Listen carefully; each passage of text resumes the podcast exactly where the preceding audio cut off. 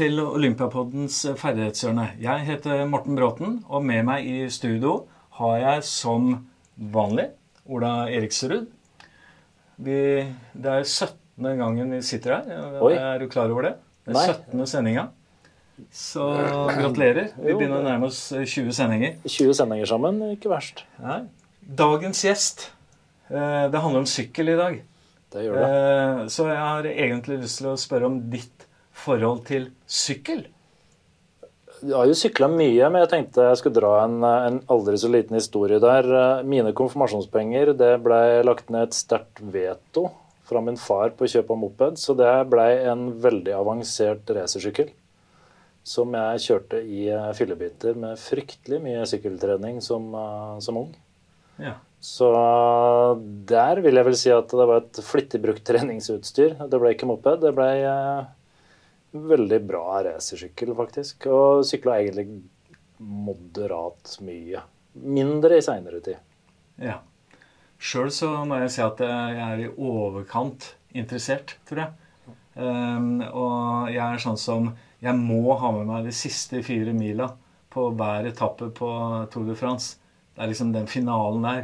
Det er den som teller i, i juli. Hver dag. 21 dager i juli. Så Men eh, nok om det, vår sykkelinteresse. Eh, nå skal vi bringe inn gjesten vår. Eh, velkommen, Atle Kvålsvold. Velkommen til oss, og tusen takk for at du ville være med oss og dele din kunnskap og kompetanse når det gjelder sykkel. Men jeg tenker også sånn at lytterne fortjener å bli litt mer kjent med deg enn bare få greie på hva du kan om sykkel. Eh, Sånn at eh, Hva er det du holder på med i dag, Atle? I dag så jobber jeg faktisk i Olympiatoppen i Midt-Norge. eh, Med ulike ting, egentlig. Men eh, har naturlig nok ansvar i forhold til utholdenhet og, og i forhold til prosjektledelse. Da. Så jeg holdt til i Granåsen, der det nå bygges ut for fullt inn mot VM i 2025. Ja. Kan jeg spørre om hvilke idretter du på en måte er innom i den jobben?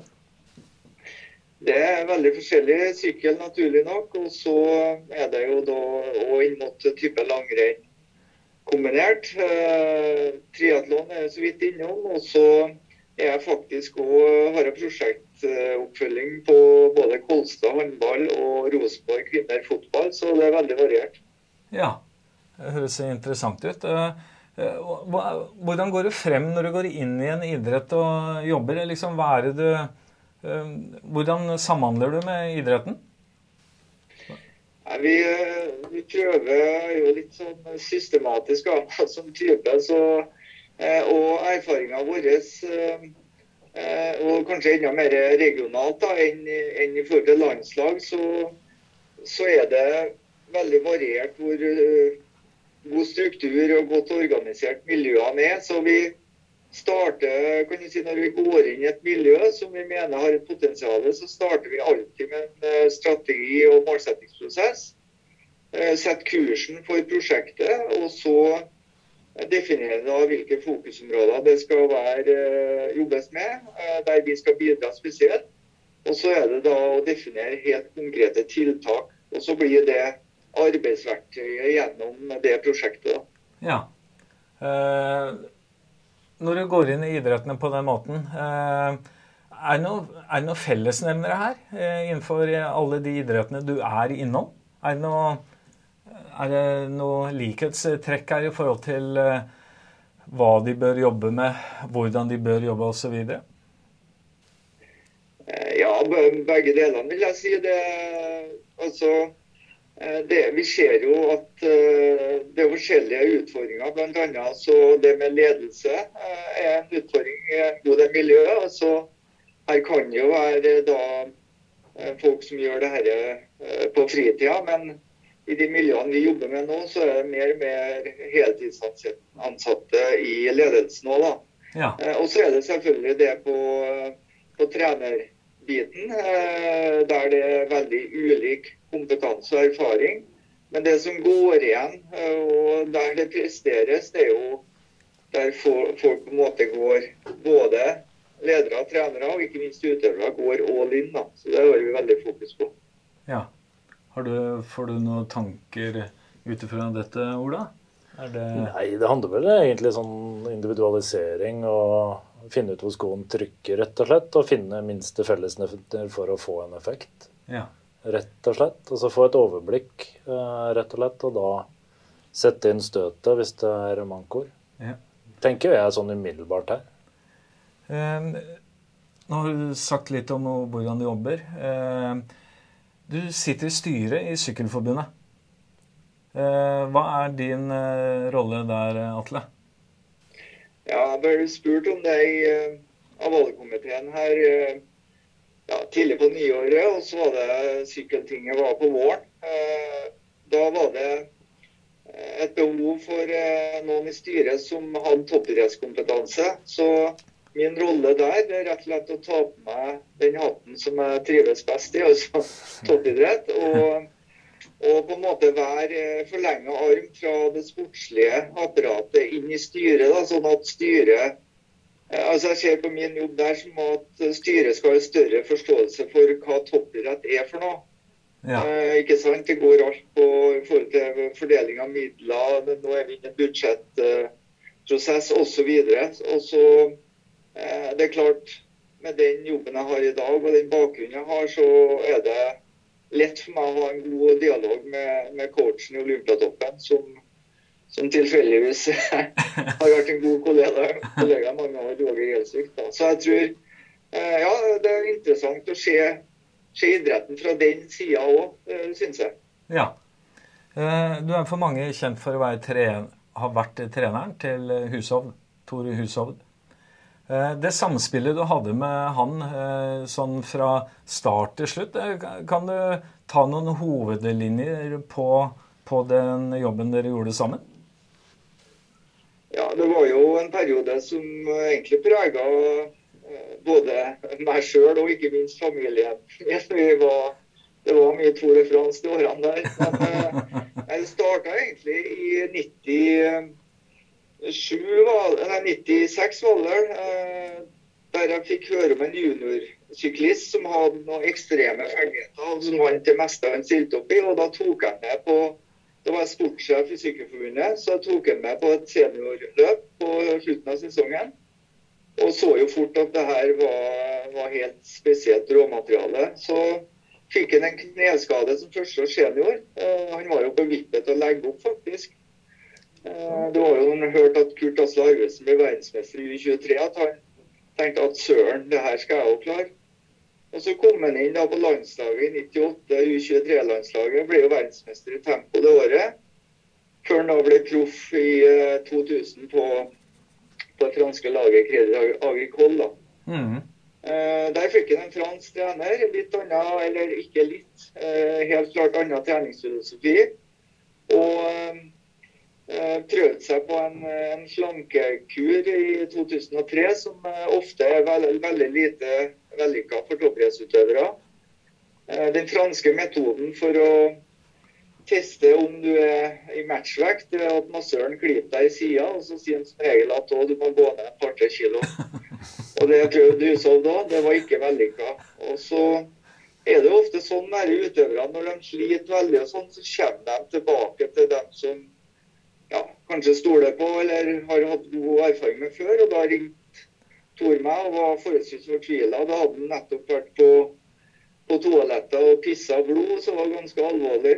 Ja. Uh, og spurte om jeg ville ta over treneransvaret. Ja. Uh, så da sa jeg det, jo, det, det, kan jeg gjøre, men da har jeg én tydelig betingelse. det at Da vil jeg ha det 100 trener, treneransvar. Jeg skal ikke ha en fransk trener som blandet seg inn i opplegget. Så der starta egentlig reisa da, i 2003, og helt til Tor la opp. da. Så vi hadde jo et uh, tett samarbeid i, som trener i 13 år, da. Ja. Var dere eh, sånn fysisk tett på hverandre, eller var det sånn avstandscoaching? Mye? Ja, begge, begge, begge deler. Vi, uh, jeg var en del nedover og var med på treninger og den type ting. Uh, mot både Frankrike Sveits etter hvert. og Eh, og en eller annen grunn så flytta han til Monaco. Jeg forstår ikke hvorfor. men, men, så jeg var til stede, og så var jeg med også i alle Tour de France. Der jeg både tok meg av norsk media og var, var den samtalepartner underveis. da. Og så er det jo sånn i sykkel at vi er jo så heldige av både puls og wattmåler, sånn at alle øktene lastes direkte inn fra computeren uh, og inn i treningsdagboka. Og da kan jeg i detalj se hva han gjør på treningsøkt. Så, så da hadde vi samt, veldig mye samtaler på telefon òg, så det var en miks. Jeg tenker på det som du var litt innom, sånn indirekte. Det å utvikle ansvaret til utøveren og eh, eierskapet til utøveren. Eh, behøvde du å gjøre noe rundt det, eller var det bare lå det naturlig hos utøveren? Eh, kan du si litt om det, Atle? Jeg tenker at det er jo noe av det, i hvert fall min erfaring, det som skiller bestene fra de, dem som er nest best, det er jo at altså, utøveren må jo ta eieransvaret eh, i forhold til egen utvikling. Og så er det et veldig tett samspill med, med, trener. da. Så for eksempel, og Der er det veldig forskjellig fra utøver til utøver. Men Tor, for hans del så var det alltid jeg som la opp treningsprogrammet for, for hver dag. Det var ikke han som laga sitt eget program, men det var alltid en dialog. og det er klart, eh, Etter hvert som han ble mer og mer erfaren og fikk mer og mer kunnskap, så utfordra han meg som trener eh, mer og mer. Og det var jo noen ganger han sa at eh, altså Nei, eh, nå ønsker jeg å ta noen steg videre og ønsker å utvikle meg på flere ting. og Da, eh, da måtte jo jeg gå enda dypere og, og grave enda dypere. Og, og på en dialog få eh, komme fram til de tingene han skulle ta tak i. Og ikke minst at han fikk det eierskapet. da, men Utøveren har jo den store drivkraften, det er i hvert fall min erfaring. Eh, at de beste har den. og De er forholdsvis nådeløse i, i prioriteringa. Både eh, konsekvenser av å bli best, men ikke minst dem som, som er rundt. Da. Ja. Så hvis jeg har gjort en halvveis jobb, så har jeg fått hørt det ganske kjapt. Ja. jeg vet at dere var innom Olympiatoppen. og Det var vel kanskje Eh, en tidligere kollega av meg, Jon Aase, dere var i kontakt med i forhold til type trening. Eh, kan du si litt om hva det var, Atle? Ja, altså, jeg vet ikke. Jeg kan jo spørre dere da. Hva tror dere var det viktigste for Thor eh, høsten 2003? For, han, for, da hadde han satt seg som mål at han skulle bli verdens beste spurter. Hva tror dere var det viktigste han skulle ta tak i eh, ja, det var vel, vinteren? det var vel noe stabilitet og kraftoverføringer eh, ned mot underlaget, da, tenker jeg. Det var ja, det skjønte, jo, skjønte du kom med den, ja, men ja, det stemmer. Eh, selvfølgelig måtte han utvikle kapasitet, men eh, han hadde en altfor dårlig teknikk. altså Han ramla sammen i overkroppen og var altfor svak i kjernemuskulaturen. så så det var faktisk noe av det viktigste han tok tak i den gangen. Og da var jo Jon inn. Ja. Jon Ase, da. Eh, og så Det var én ting. Og så fikk vi jo faktisk eh, Kristine Helle den gangen, som var ansvarlig for ernæring. Eh, var faktisk ned til Frankrike og var med Tor og samboeren den gangen, Susanne, i butikken for å plukke, plukke ut riktige matvarer osv. Så, videre. så det har vært flere. Lars Kolkos hadde jo veldig tett samarbeid med oss videre, så det var flere fra Olympiatoppen som, som var med i det prosjektet der, om vi skal kalle det det. Um, en vanlig uke, en treningsuke for uh, Hushovd den gangen i en oppkjøringsperiode, kan, sånn, lytterne er sikkert veldig nysgjerrig på hvordan det kunne se ut. Kan du ta et sånn hovedtrekk på en sånn uke? Ja, da, da kan jo sånn eh, naturlig å ta kan du si, det klassikerne på våren. da. Det var jo et av de store målene med Parerobé, med brosteins, eh, altså helvete i nord.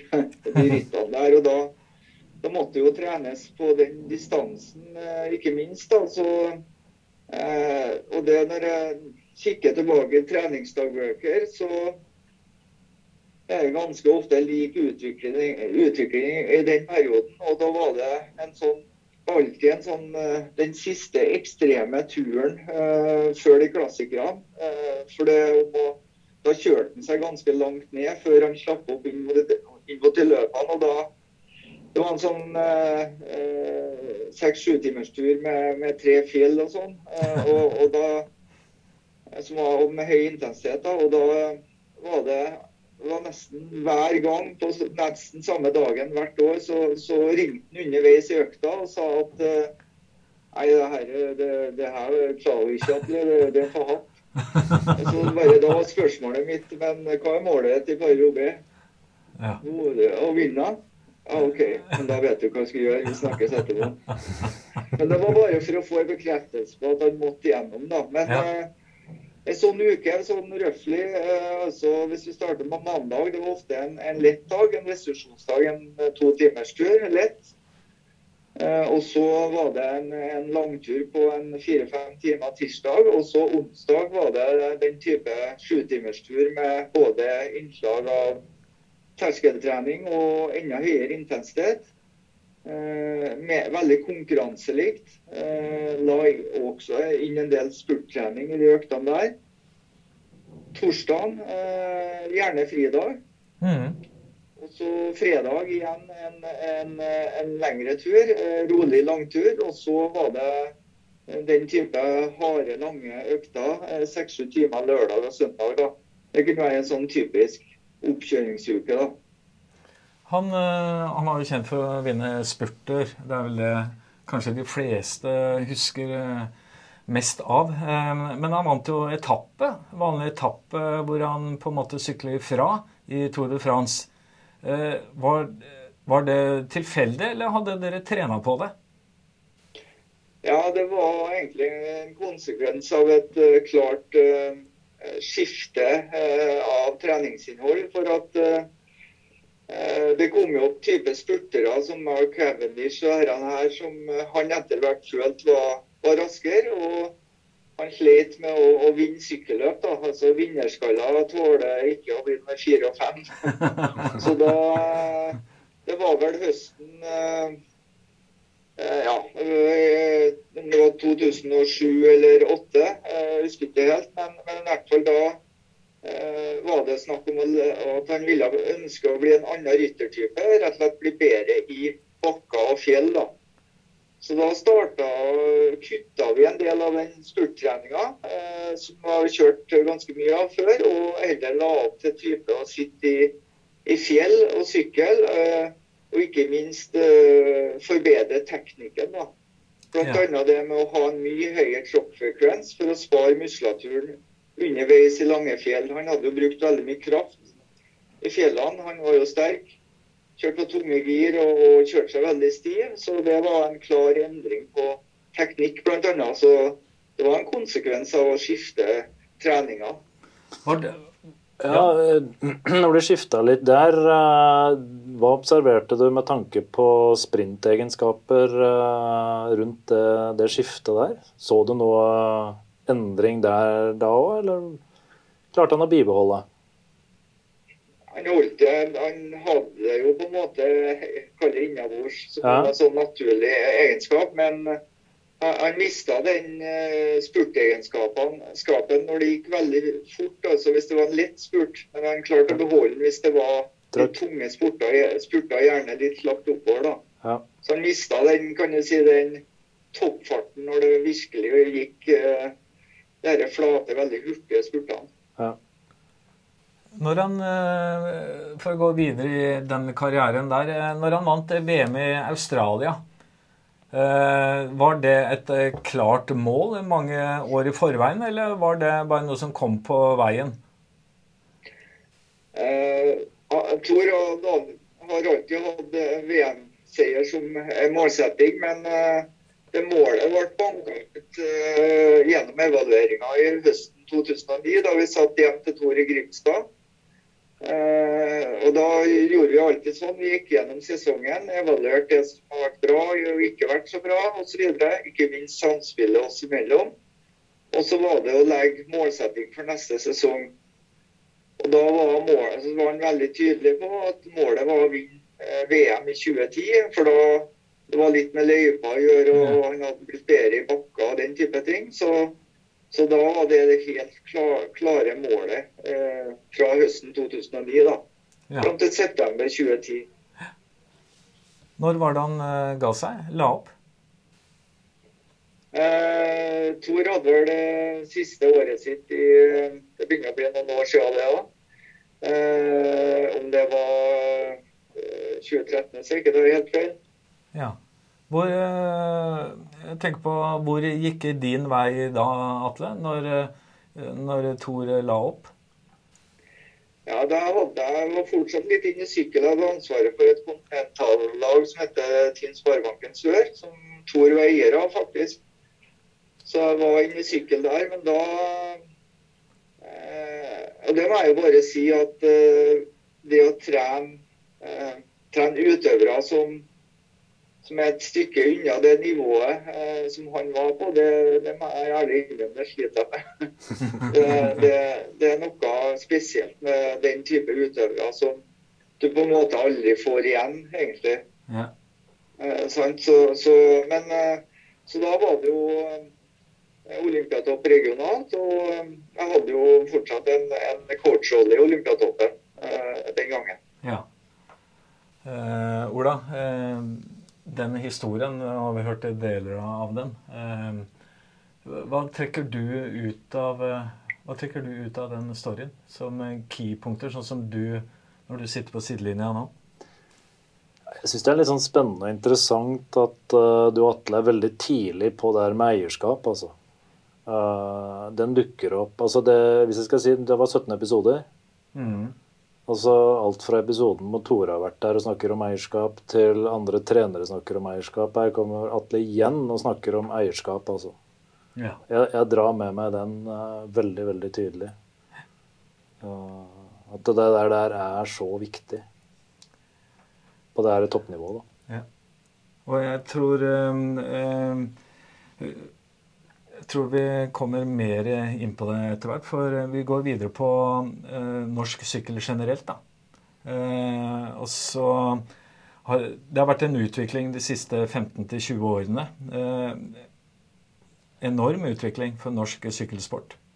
Eh, og vi har sikkert hørt en, en av årsakene ligger i den storyen du har fortalt eh, nå, Atle.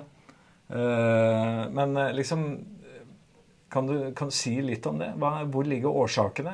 Greit, eh, vi har hatt husråd. Det må jo ligge noe mer her? Ja, jeg tror jo at veldig mange ble motivert av, av eh, Tour de France, og, og at Tour på en måte eh, hevda seg veldig der. Og da var det en fordel å være spurter, for da hadde vi alltid en nordmann som var med i mange av etappene majoriteten. i teten. Mhm. Eh, og så Nei, jeg, jeg, jeg, mitt inntrykk er at det har skjedd mye på det med, på treningssida. At det, det rett og slett jobbes bedre, eh, mer strukturert og mer planmessig. Eh, det tror jeg er en ting. Og så etter hvert så kom det jo, i og med at det ble mer og mer interesse rundt eh, sykkel i Norge, så kom det opp flere typer kontinentallag der flere unge utøvere fikk muligheten til å matche seg, både i konkurranse, men ikke minst også på trening.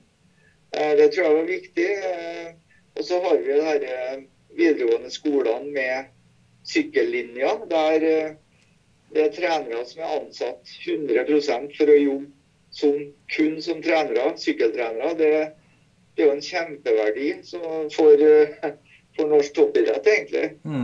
Eh, veldig, veldig bra. Vi må jo ha med selvfølgelig Unvex oppi her, her som, som nå har både profflag, herre og damer, som mener å matche seg på og kjempe på øverste nivå. Nå har de jo søkt World Tour-lisens òg på herresida. Altså, de kan bli ett av 18 lag i verden som får kjøre alle de store løpene.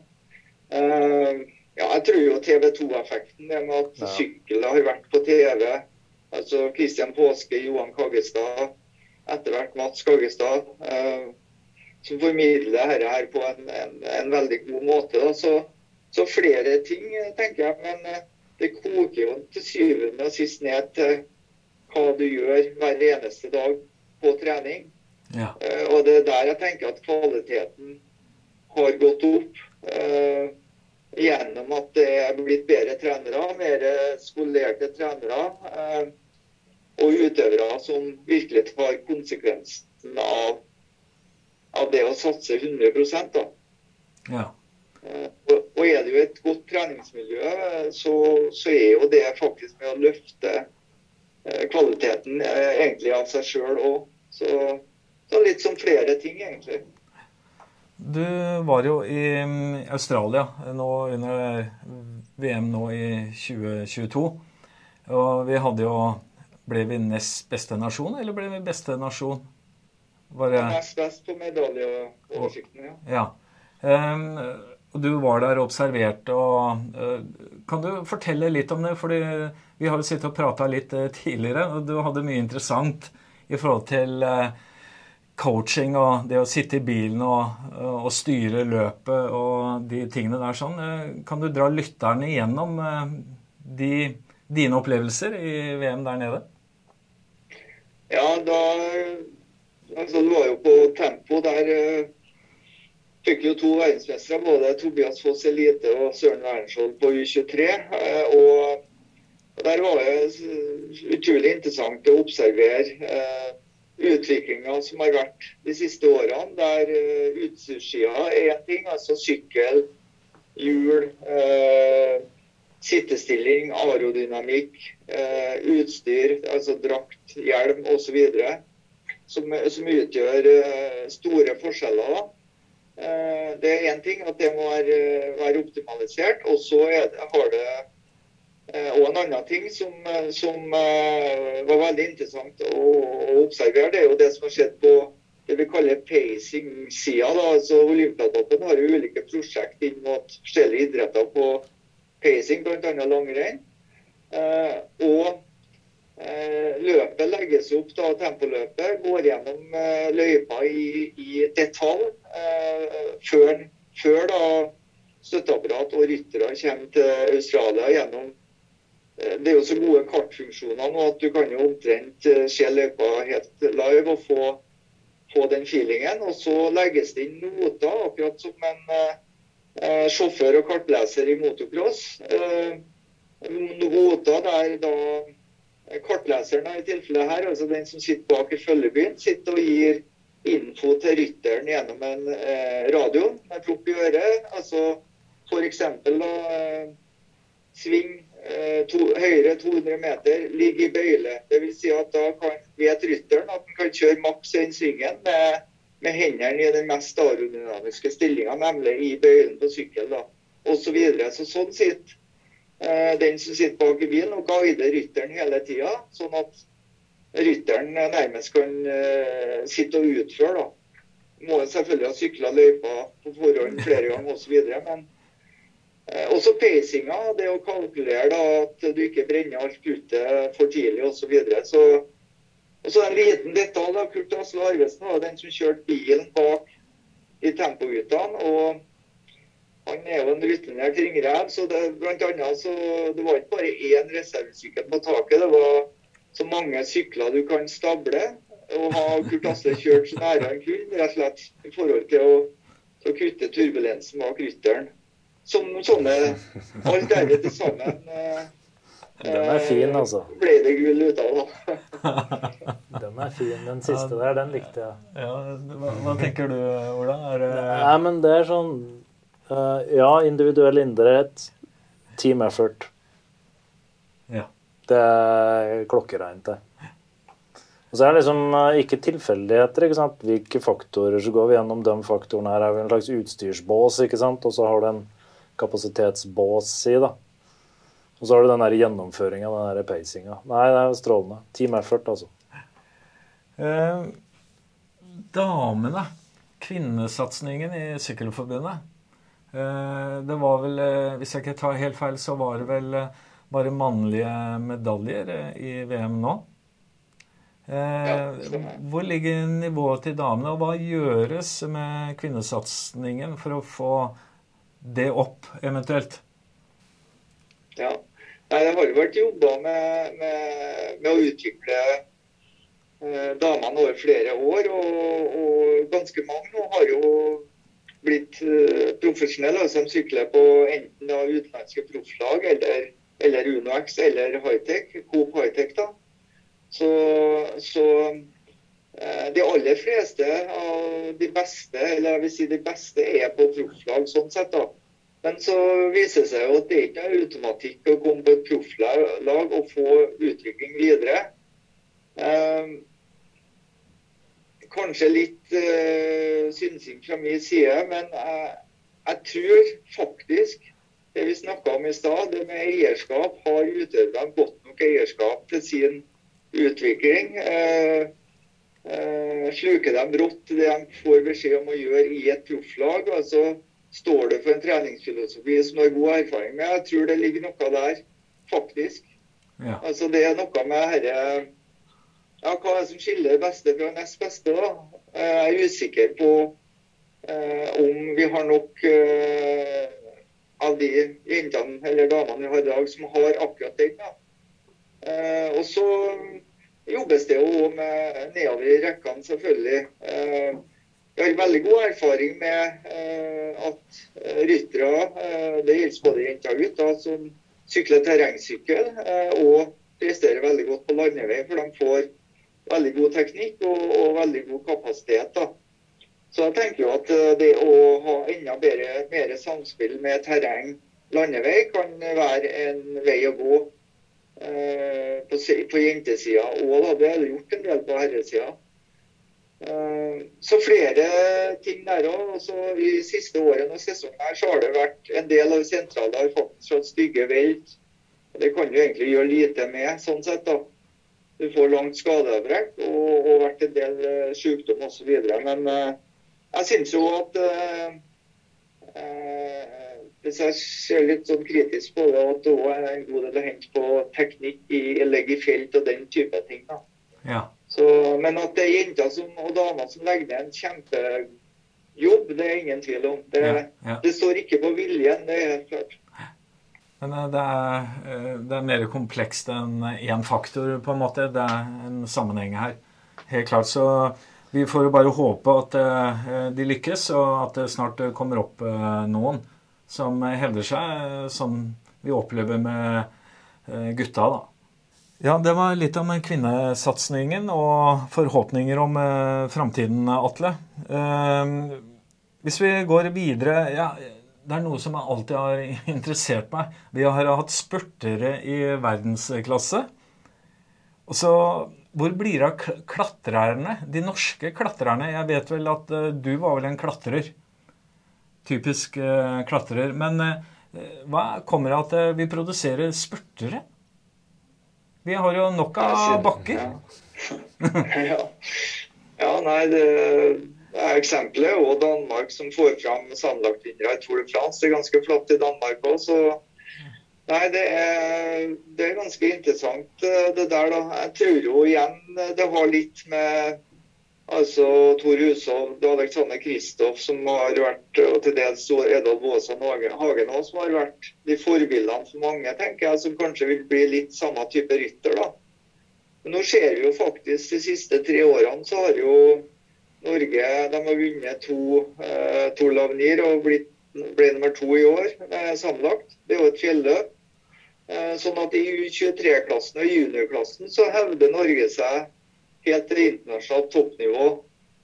Eh, så det er om å gjøre å få bygd de utøverne videre. Eh, sånn at Vi så jo litt tendensen til Andreas Leknessund i Tour de France i år, der mhm. han kjørte fra kapteinen sin Bardet i en del fjelletapper.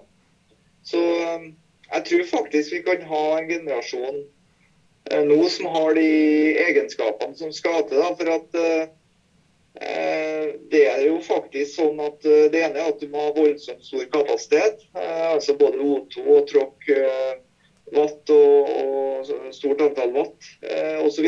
Og så er det jo en Det har jo noe med, med hvordan det er satt sammen i, i, kroppen. altså Vekt har jo, har jo noe å si. da. Så du må ha de fysiske forutsetningene for å for å kunne prestere i, i fjellene. og det, Der tror jeg vi har noen spennende typer nå, faktisk. Har du reflektert rundt det, Ola? Har du gjort deg noen refleksjoner? Nei, jeg tenker liksom sånn i, i, sånn norsk kultur og tradisjon så har vi jo en sterk kultur mot den der utholdenhetsbiten. Hvis du tenker langrenn og oppoverbakke og med den biten der, så har vi vært, alltid vært sterke der. Så du tenker liksom automatikken at det kunne vært overført inn i, ja. inn i sykkelen. Så jeg skjønner jo hvor spørsmålet kommer fra og, og, og, sånne ting. Men det er jo litt sånn som du var inne på der, eh, Atle. Du har jo hatt noen forbilder, da, vet du. Og ser det er mulig å, å, bli en spurter i verdensklasse, så er det klart det setter noen noe gode eksempler. Så du, jeg, jeg, tror det kan skje noe, hvis du, som du er inne på, hvis du klarer å få fram én som klarer å gjøre det. Mm. Så tror jeg det kan uh, balle på seg. Og så har du en, en ting også som uh, kanskje ikke alle tenker på. Det er jo når du kommer på et profflag, så, så det har vi eksempler på veldig gode ryttere som blir satt i en typisk hjelperytterrolle, der du ikke får utvikla din spisskompetanse mer. Da. Du, du, får den rollen. Du blir kanskje en ekstremt god hjelperytter, og, og, så blir du der. og Du klarer ikke å ta de stegene videre. Så det er jo en, en case oppi det her, da. Um, må... Kan jeg få lov å følge opp det ja. spørsmålet? Det syns jeg er litt interessant. der. Hvordan er det hvordan er det du eller andre går inn der i en sånn prosess med tanke på råd og hvilket lag er riktig og, sånne ting? Er du dere involvert i stor grad i, i sånne prosesser? For er, du er inne på noe fryktelig viktig der, tror jeg. Ja. Nei, vi har jo UNEX, da, norske laget der, som jeg tenker i hvert fall er eh, kanskje en av de beste i, i å, å tenke, tenke, langsiktig utvikling da, for rytterne. Det er noe med den norske kulturen å gjøre, tror jeg. At det er noe det ligger i vår natur på en måte å, å tenke langsiktig og ikke bru, kalle bruke opp folk. Da, mens, men ser du på et utenlandsk profflag, så, så er ikke alle dem som har den langsiktige tankegangen. De vil ha resultat der og da. Da bruker de de rytterne de har tilgjengelig i, i laget sitt, i, så de kan få toppresultat. Da. Så, eh, men eh, ja, eh, vi har altså type Tobias Halland Johansen, Johansen kommer fra terrengsykkel som, som, har den kapasiteten. Og Det ser vi en del av de beste internasjonalt nå. De sykler faktisk landevei, de sykler terreng, og noen sykler cyclecross. De, de konkurrerer så å si hele året. Da. Det er ganske spennende å, å se på.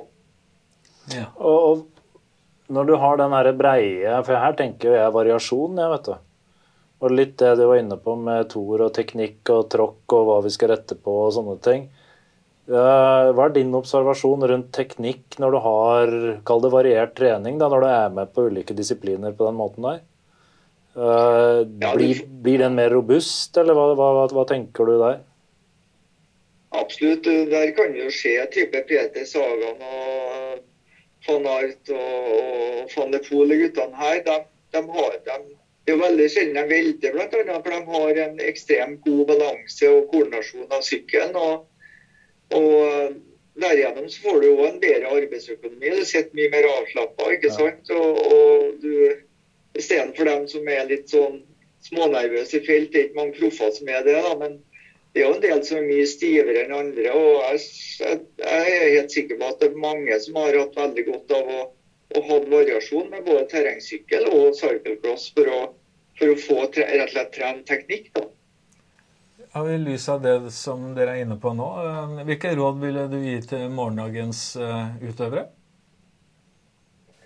Eh, ja, hvis du tenker, Da tenker du sånn eh, aldersmessig eh, junior og nedover. Nei, jeg tenker i forhold til det som vi snakka om nå, det med variasjon i ja. Eh, hvilken sykkel og sånn. Liksom eh, hva Hvis vi har troa på at det er viktig, eh, hvilke råd skal man gi ut med det som bakgrunn? Ja. Nei, Det kan jo hende med fare for at jeg er litt gammeldags innenfor det området der, da, men jeg har jo jeg har mye mer trua på å kunne si ut og bruke eh, kaller hele kroppen, eh, enten på sykkelen eh, Da tenker jeg mer i grunntrening, kanskje. Mm. Eh, på sykkelen i ulike sykkelformer, terreng, cyclecross, den type ting. Eh, gjerne ski òg. Eh, Istedenfor å sitte inn på sykkelrulle. Eh, ja, du får trent veldig kontrollert og, og, og veldig sånn kapasitetsmessig på sykkelrulle. Men det blir veldig Altså, Du får jo ikke tatt i bruk noe av det som går på balanse, koordinasjon, den, den, den rene tekniske jobbinga der. da. Så, eh, og så er det noe med at uh, altså det, det, å brenne kruttet for tidlig på type eh, kalle innendørssykling og den type ting, det, det, tror jeg over tid ikke er bra. Så det å få variasjon i bevegelsesformene har jeg veldig trua på. Absolutt.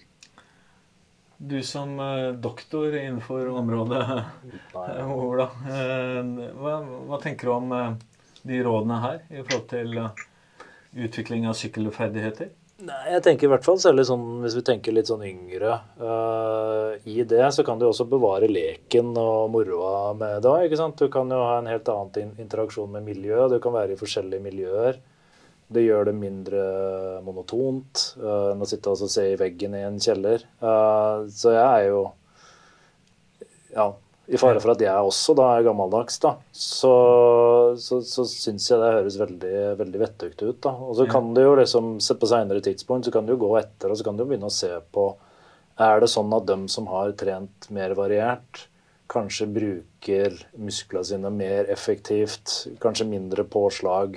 I kall det støtte, da, mm. kontra dem som skal tråkke til. At vi klarer å bruke mindre krutt som en konsekvens av det. Det kan jo etterprøves i, i, i vitenskapelige studier hvis en måtte, måtte, ønske det. Men jeg tenker jo den her variasjonen her er veldig, veldig bra. da. Særlig nedover yngre.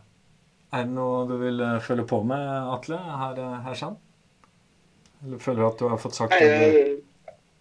Jeg føler vi er bra samkjørt på det. Og så en annen ting kan du si som eh, For nå ser vi jo de siste ja, la oss si tre-fire årene så har det skjedd en litt endring eh, blant de beste proffene eh, på herresida, der det har blitt en annen form for sykkelløp. altså det Finalene starter mye tidligere. Det er mye mer offensiv kjøring, uforutsigbar kjøring. og Det tror jeg de guttene som har kommet fra cyclecross og terrengsykkel, har tatt med seg over på landeveien. Eh, for i de to øvelsene der, cyclecross terrengsykkel, så er det full spiker fra start av. Eh, så de er ikke redd for å, for å klinke til forholdsvis tidlig. og det jeg syns det har gjort sykkelløpene mye mer artigere å se på. da. Mye mer uforutsigbar. Litt sånn som Petter Northug dreiv, altså. Ja. ja. Likheter her. Eh, positivt. Ja. Vi, vi, begynner å nærme oss avslutningene her, uh, Atle. Uh, så, men du, skal, du, slipper ikke unna uh, ennå. Det er ett spørsmål som går til alle, alle våre gjester. Det handler om anbefalinger for, til trener for barn og ungdom på et generelt nivå. Norsk idrett. Hva er det du ønsker å formidle til dem? Hvis vi snakker om eh, sykkel som idrett, da, så, så det er en idrett der du ikke trenger å, å, eh, å velge idrett i altfor ung alder. Du kan holde på med forskjellige idretter. Eh, og Det viser seg jo at de som har gjort det, de ja, nesten alle jeg har hørt om i hvert fall i sykkel, de har holdt med ulike idretter tidlig. og så på en måte valgt sykkel etter hvert. Så variasjon, absolutt.